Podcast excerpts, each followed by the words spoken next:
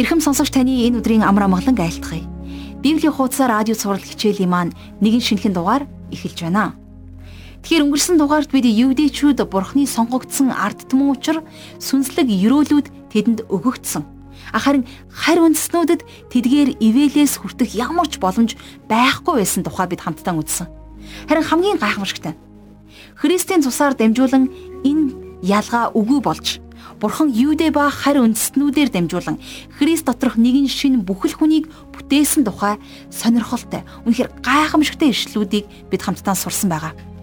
Тэгэхээр өнөөдөр Есүс Христ рүү ирсэн хинч тэр. Түүний бие дотор ороо зогсохгүй. Хүн бүртээ зэрэгцэн зогсож Бурханы өмнө очих бүрэн боломжтой болсон. Энд баян ядуу эсвэл эрх мэдэлтэй эрх мэдэлгүй, алдартай алдаргүй, мөн ямар ч хүүс хамаарахгүйгээр, ямар ч нас хамаарахгүйгээр түүний өмнө ижил болсон гэсэн үг. Тиймээс итгэгчид бидний дунд ямарваа нэгэн үндслэлээр хуваагдал гэж байх ёсгүй гэсэн үг юм. Ягаад тэгэхээр та бид Христийн дотор нэг болгогдсон юм аа. Энэ нь Бурхны хүсэл. Бидний эзэн Иесус Христ энэ дэлхийн ертөнцид амар тайвныг тогтоогч байхаар ирсэн. Тэрээр хүн төрлөختний дунд дайсагналцлыг үүсгэж байсан тэр ханан хэрмийг, тэр зааг хязгаарыг бүгднгийн нурааж өгсөн юм аа. Тэгээд цоошин нэгэн бүхэл хүнийг бий болгох агуу бүтээлийн ажлаа дахин эхлүүлсэн. Тийм учраас бид Христийн дотор нэгтгэгдэж тэр амар тайвныг тогтоогчд болж байна гэсэн үг. Түүний хүчээр бид бурхантай эвлэрсэн юм аа найзуудаа. Харин та түүн рүү очих замыг хайх хэрэгтэй. Тэр таныг ямар ч нөхцөлд хүлээн авч ивэл нэгүслээрээ тэрвэн авахыг хүсдэг. Бурхан таны зүрх сэтгэлд цоошин хүсэл эрмэлзлийг тэр сайхан мэдрэмжийг үгээрээ дамжуулан өгөх болтугай. Өнөөдөр бид хамтдаа Эфес номын 3 дугаар бүлгийн эхний 13 ишлэлийг хамтдаа уншиж судлах болно. Ингээд хичээлийн эхэнд энэ цагаа даатхан Бурхан Аавда залбирцгаая. Бүх ертөнцийн эхлэл төгсгөл болсон Бурхан Аав минь таньда талархаж байна. Та бидний төлөө юугаач харамлаагүй. Та өөрийн үнэт эрдэнэ болсон цорын ганц хүүгээ гим нүгэлтэд бидний төлөө бидэнд шин ам өгөгдөхийн төлөө мөн амар тайван инх тайвны төлөө та харамгүйгээр бидэнд хүүгээ өгсөнд баярлалаа аваа. Эзэн минь ээ, таниасаа ивэл ерөөлийг бид үргэлжлүүлэн хүсэн залбирч байна. Тэнгэрдэх хүслээ та биднээр дамжуулан энэ газар дээр гүйцэлдүүлээч. Дэлхийн аливаа бузар муу зүйлээс та бидний зүрх сэтгэлийг хамгаалаач. Дорой буурай нэгэнд туслах хүч, мэрэгэн ухааныг та бидний дээрээс цутгаж өгөөч. Эзэн таны агуу хүчит үг гэрэл байхгүй харанхуй газар бүхэнд тунхаглагдж гэрэл гэгээх тэдэнд өгөх болтугай. Өнөөдөр үзэх хичээлийн цагийг таны мотор дүргэн залбирч байна. Та хамгийн сайнараа хүргэхэд та туслаарай. Энэ хичээлийг эхнээс нь дуустал сонсох боломжоор та хүнийг болгоныг шагнаж өгөөрэй. Энэ бүхнийг таны хайртай хүү бидний итгэлийн зохиогч Есүс Христийн нэрээр залбирanгуйж байна. Амен. Ингээд хамтдаа жаргал агшиг хичээлд анхаарлаа хандуулцгаая.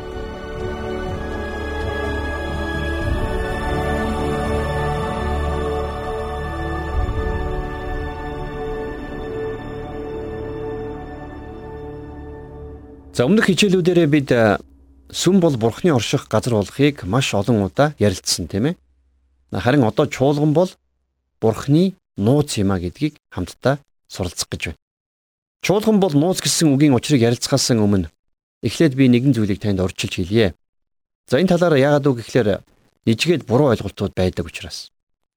Тэгээ нууц гэдэг үг нь өнөөгийн ямар нэгэн адал явдалтай зохиол эсвэл учир битүүлэг кино гэсэн утга өрдөөч байхгүй.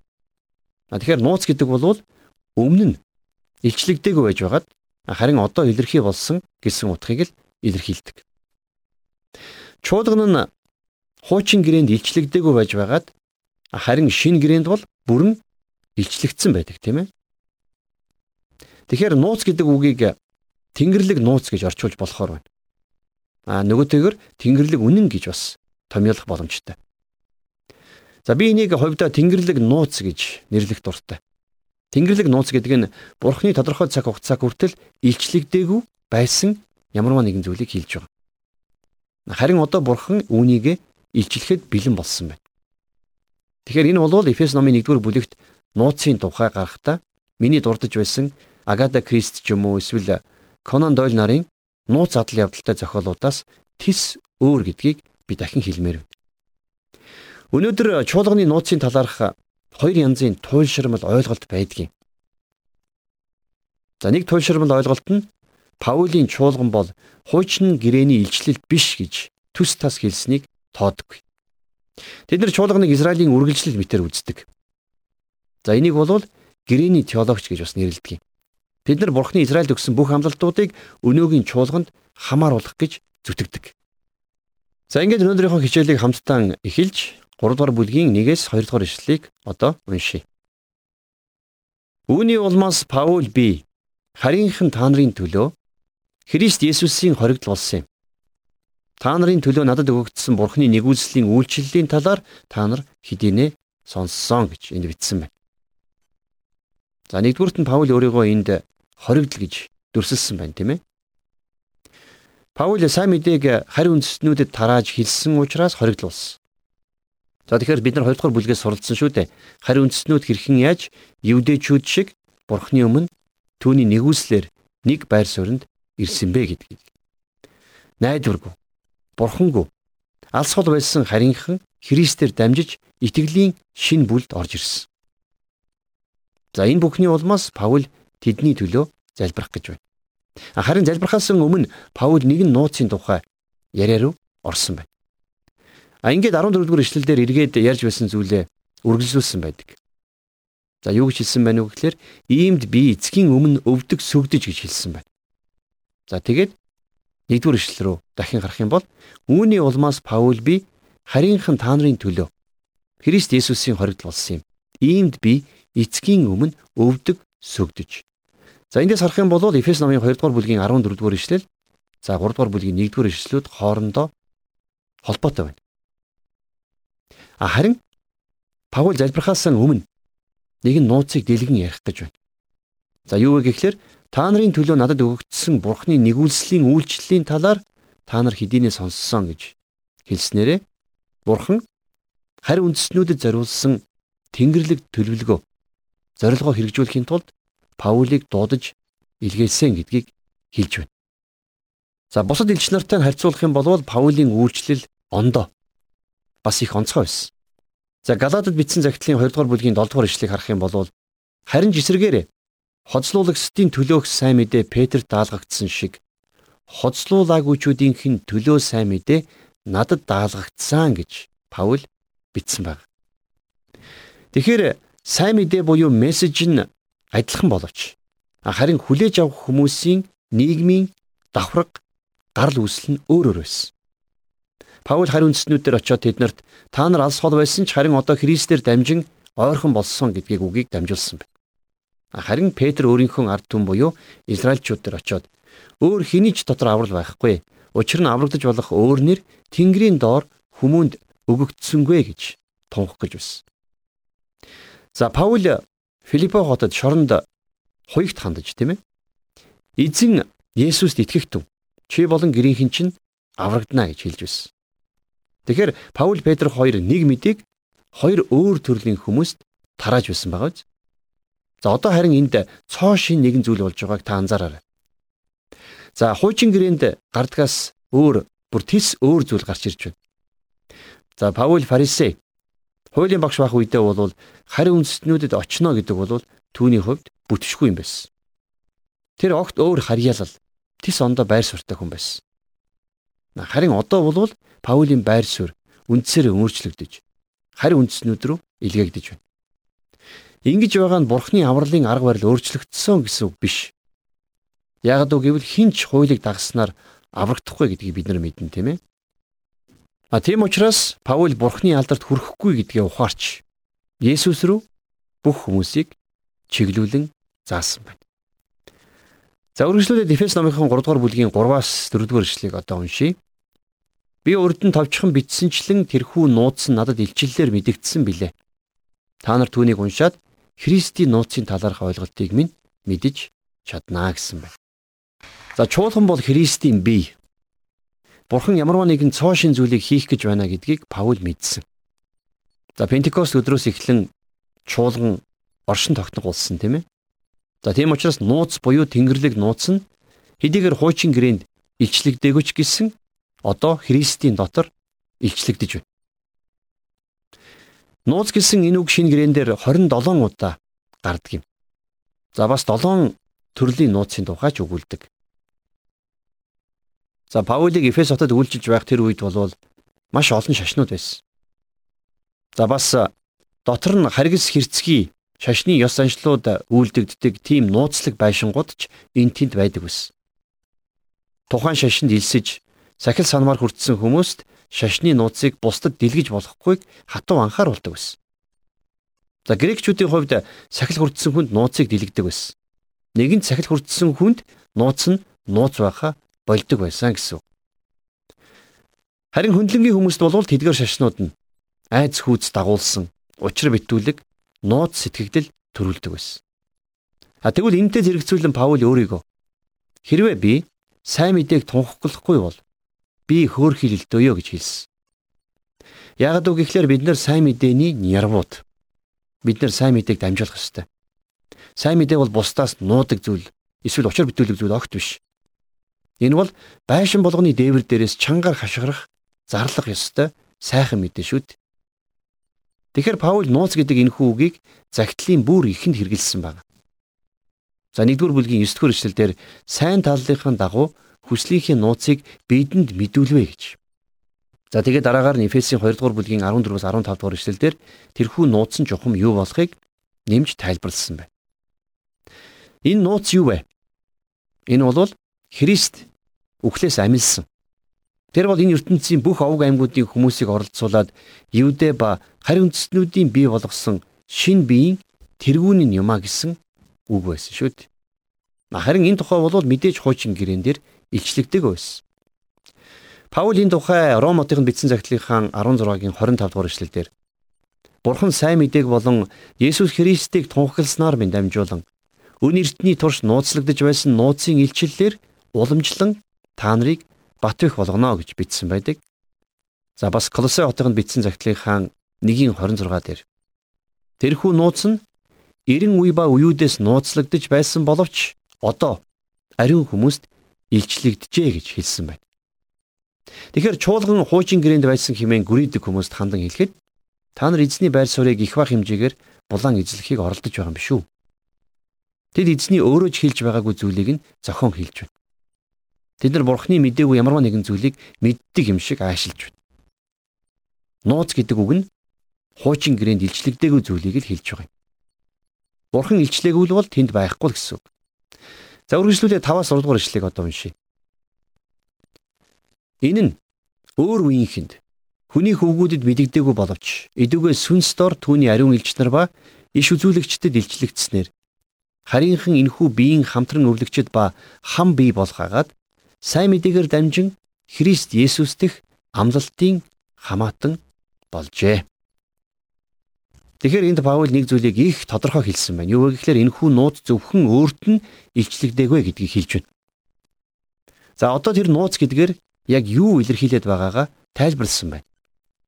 За юу вэ гэхээр зэрэг хуучин гэрээний үед амьдарч байсан хүмүүс болон өнөөдрийн чуулганы итгэгчдийн хоорондох ялгааг энд тайлбарлсан байна. За хуучин гэрэн дээр хиндэж чуулганы талаар илчлэлтийг өгөөгүй. Харин одоо энэ нь түүний ариун элчнэрт илчлэгдсэн байсан. За тэднийг ариун гисэн нь үйлчлэлийн төлөө бурхнаар тусгаарлагдсан гэдэг утгаар нь хэлж байгаа юм. А тэрнээс биш огт гимгүү ариун гэдэг утгаар энд ороогүй. За энд гарч байгаа иш үзүүлэгчд гэдэг нь яа харахгүй шин гэрэний зүнч нарыг зааж байна. За ариун сүнс болох сүнс энэ нууцыг нь заагч багш юм. Есүс э, өөрийн дагалдагч нартаа ариун сүнсийг илгээнэ гэж амласан ийм учиртай. За Иохан номын 16 дугаар бүлгийн 15 дугаар ишлэлдэр эцэгт байгаа бүхэн минийх. Тиймээс тэр минийхийг авч та нарт мэдүүлнэ гэж би хэлсэн билээ гэж Есүс хэлсэн. За тэгвэл нууц гэж яг юу хэлсэн бэ? За энэ бол харь үндснүүдийн авралын тухай илэрхийлэл байгаагүй. Хуучин гэрэн дээр харь үндэстнүүд аврагдана гэдгийг тодорхой хэлсэн байдаг шүү дээ. За би хэд хэдэн ишлэл энд иш татъя. За Исаи номын 11-р бүлгийн 10 дугаар ишлэл. Тэр өдөр Есүсийн үндэс ард түмний туг болон мандаж, үүнийг тойрон үндэстнүүд цуглаж, түүний амрах газар нь алдар суу болно гэсэн байна. За мөн Исаи 60-ын 3 дээр үндэстнүүд гэрэл рүү чинь ирж хаад мандах туяа руу чинь ирэх болно гэж. За Исаи номын 42-ын 6 дугаар ишлэл дээр Би эзэн чамайг зөвхт байдал дуудаж гараас ч натгаад чамайг хамгаалж чамайг ард түмний гэрээ химэн үндэснүүдийн гэрэл болгож өгнө гэж тус тус хэлсэн байна тийм ээ. Тэгэхээр харин үндэснүүд аврагдана гэдэг нь нууц биш юм болвол нууц яг юу юм бэ? Та аан гэд анхааралтай сонсоорой. Нууц гэдэг нь бол Израильчууд харин үндэстнүүд нэг байр суурьнд очихыг хэлж байна. Христийн доторх итгэлээр дамжуулан тэд нэр чуулган гэдэг шин бие дотор хоёулаа нэг төвшөнд аваачигдсныг хэлж байна. За Христ бол тэр барилгын тэргүүн. Тийм учраас хүн төрлөختнийг доорх байдлаар ангилан үзэж болно. За Адамаас Авраамыг хүртлэх бүх хүмүүс харь үндэснүүд байсан 2000 жил. За Авраамаас Христийг хүртлэх бүх хүмүүс Евдэ эсвэл харь үндэстнүүд болон салгагдан тусгаарлагдсан байсан 2000 жил тийм ээ. Харин Пентекостийн өдрөөс Есүсийн Тэнгэрт өргөгдөх өдөр хүртэл Евдэ харь үндэстнүүд ба чуулган гэж гурван хэсэгт хуваагдсан 2000 жилийг хүндрэлтний төв өнгөрүүлсэн байна. 1-р Коринтын 10 дугаар бүлгийн 32 дугаар эшлэлдэр Паул хэлэхдээ Евдэчүүдэд ч грекчүүдэд ч бурхны чуулганд ч төв бүү учруулаа гэж хэлэхдээ дээрх гурван бүлгмийг тодорхойлог хэлсэн байгаа биз. Тэгэхээр Паул энийг хэлэхдээ хүн төрлөختнийг бүхэлд нь хамруулж байна. Хуучин гэрээн дээр чуулган байхгүй. Гисэн хэдий ч чуулганы төрлүүд хуучин гэрээнд байсан. За Матай номын 16 дугаар бүлгийн 18 дугаар эшлэлдэр Есүс би энэ хадан дээр чуулгана босгоно гэж хэлсэн байдаг. За энийг Есүс ирээдүйн цаг дээр мэдээж хэлсэн. А тэгээд Христийг дээш одсны дараагаар Пентекост өдөр чуулган мэндэлсэн байдаг тийм ээ. Чуулган анх эхлэхдээ евдээчүүдээр дүүрэн байсан ч гэсэн харь үндэстнүүдийг энэнд нэгдүүлсэн шижилтийн үе байсан. Тэгэхээр чуулган бол евдээ болон харь үндэстнүүдийн аль алиныг нь багтаасан Христ тэргүүнтэй нэг бий болсон. За үргэлжлүүлээд Эфес номынхон 3 дугаар бүлгийн 7 дугаар ишлэгийг одоо уншийе.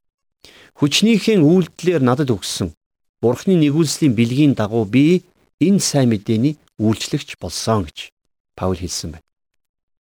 Паул харь үндэстнүүдэд илч болсон гэдэг нууцын мэдлэгээрээ өөрийгөө дүйлгэж сайрхаагүй.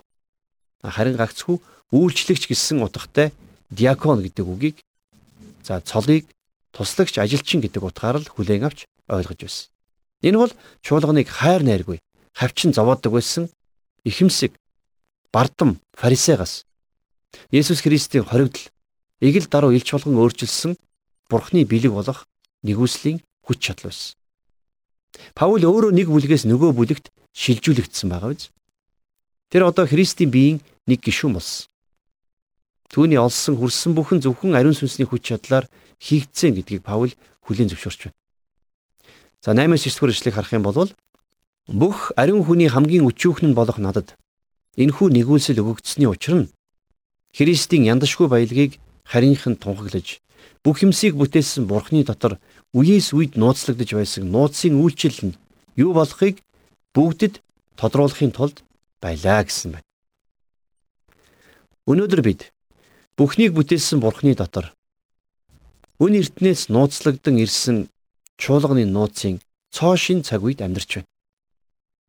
Бурхан бидэнд хараахан хэлээгүй маш олон зүйл байгаа л да. Би энэ шалтгааны улмаас Тэнгэрийн улсыг хүсэмжлэн амьдардаг. Яагад үгүйвэл би Тэнгэрийн улсад очихороо жинкнээсээ мэдэж эхэлнэ гэж боддог.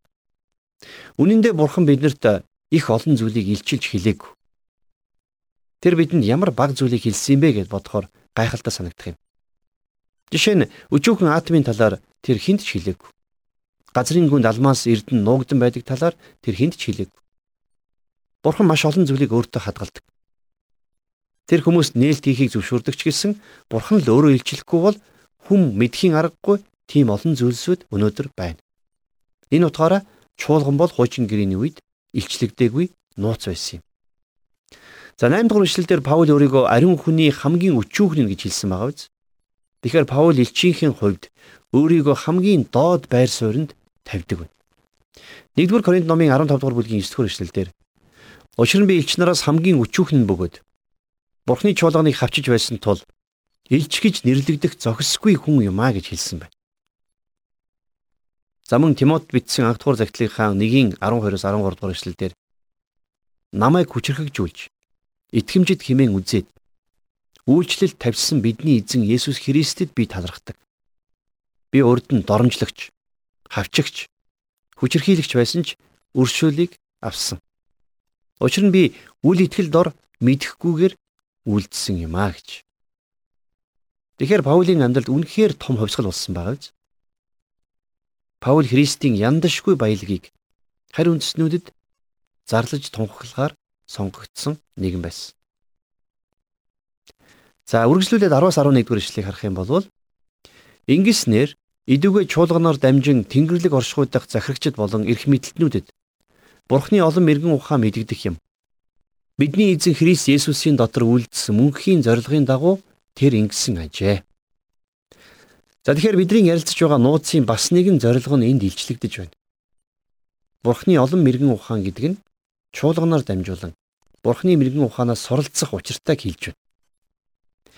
Бидэнд илбэг дүүрнээр асгагдсан Бурхны хайрыг бид зөвхөн хараа зогсохгүй. Мөн Бурхны мэрэгэн ухаан бидэнд өгөгдсөн гэдгийг ойлгох хэрэгтэй. За 12 дугаар ишлэлдэр Христэд итгэлээрээ бид Бурханд зоригтой бөгөөд баттайгаар очтгоо. Тэгэхээр харин үндэстнүүд болох бидэнд өнөөдөр ямар ч гадуурхал хавчлага байхгүй. Бид нар Бурхны өмнө зоригтой очих боломжтой болсон юм.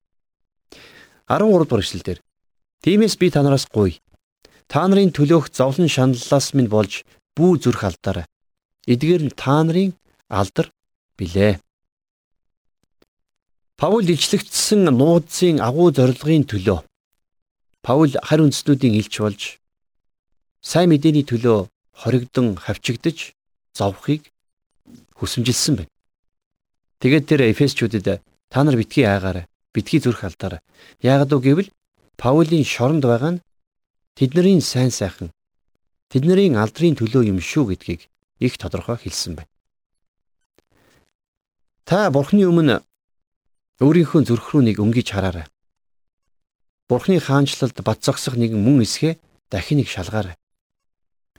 Та бидний төлөө зовлон эдэлж, бидний төлөө амиа өгч, бидний төлөө үхлээс амилсан Есүс Христэд итгэх энэ л итгэлээр бид нар энэ их ивэл өрөөлийг хүлээн авсан гэдгээ битгий мартаарай.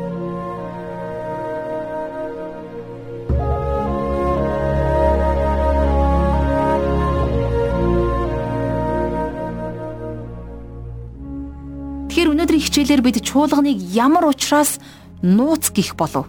Амун нууцын талаарх тайлбар болоод тодорхойлтуудыг сурч мэдлээ. Тэгэхээр итгэгч хүн болгон харьяалагддаг сүм чуулгантай. Тэгвэл бидний сүм бол Бурхны орших газар. Харин чуулганыг химманч нууц гэж хардаггүй. Тэгвэл Тэнгэрлэг нууц зөвхөн чуулганд л байдаг тухай жаргалагч маань тайлбарлан хэлж байна. Тэнгэрлэг нууц бол Бурхны тодорхой цаг хугацаа хүртэл илчлээгүй альва зүйлийг хилдэг. Удахгүй түүний сайн цаг ирж тэдгээр нууц болгон илчлэгдэх нь гарцаагүй. Чуулган бол Христийн бие. Тиймээс бид түүнийх болсон. Бурхны сайн мэдээ бидэнд нууцлагдах ёсгүй маа. Мөн хараахан итгээгүй байгаа тэдгээр бусад бүхий л хүмүүст нууцлагдах ёсгүй маа. Сайн мэдээг бид байгаа газар болгондоо тараах нь үнэхээр нин яралтай хийх ажлын маань номер 1 үүрэг хариуцлага юм. Хэрвээ хин нэгэн хүн таны ойр дотн хамгийн хайртай хин нэгэн хүн чинь Христийн сайн мэдээг сонсож чадалгүй энэ хорвоогоос явчвал яах вэ? Хамгийн түрүүнд бид түүнд сайн мэдээ дуулгаж чадаагүйдээ маш ихээр харамсах болно. Тэг олон итгэгч хүн ингэж ярьж байхыг би сонссон. Тиймээс сайн мэдээнээс хойш суух хэрэг бидэнд байхгүй. Тэгэхээр өнөөдөр үдсэн нууц бол Христ амьсан бөгөөд тэр бол энэ ертөнцийн бүх овог аймагуудын хүмүүсийг оролцуулан Юудэ ба харь үндэснүүдийн бий болгосон шин бүтээлийн толгой юмаа гэдгийг сурч авлаа. Энэ утсыг та одоо мэддэг болсон.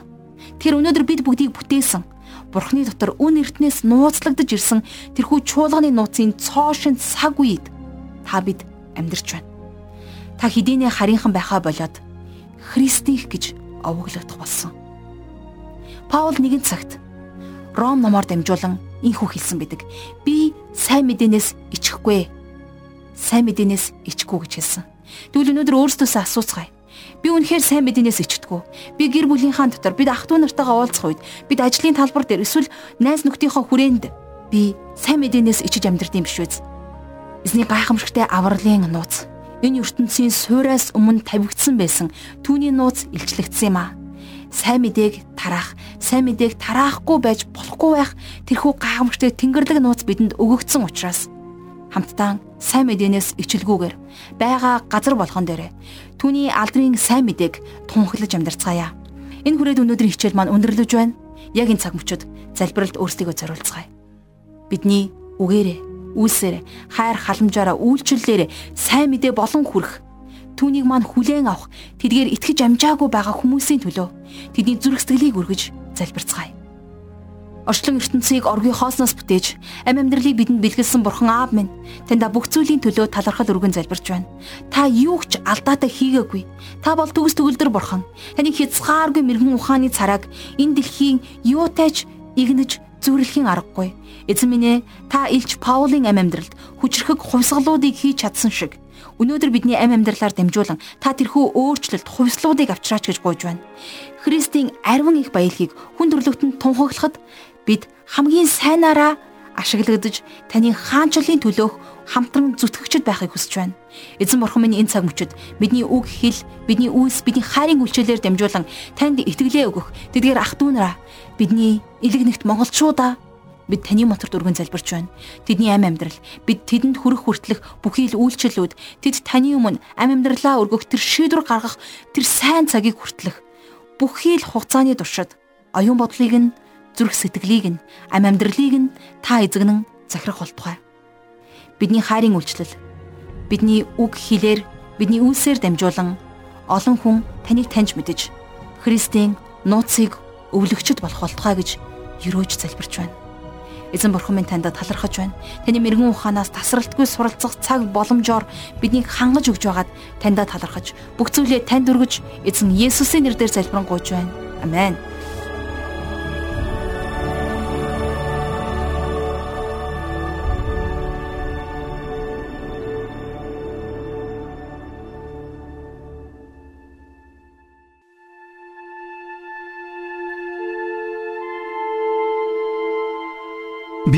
Боловсрол олгох, Библийн хуудасаар нэвтрүүлэг танд хүрэлээ.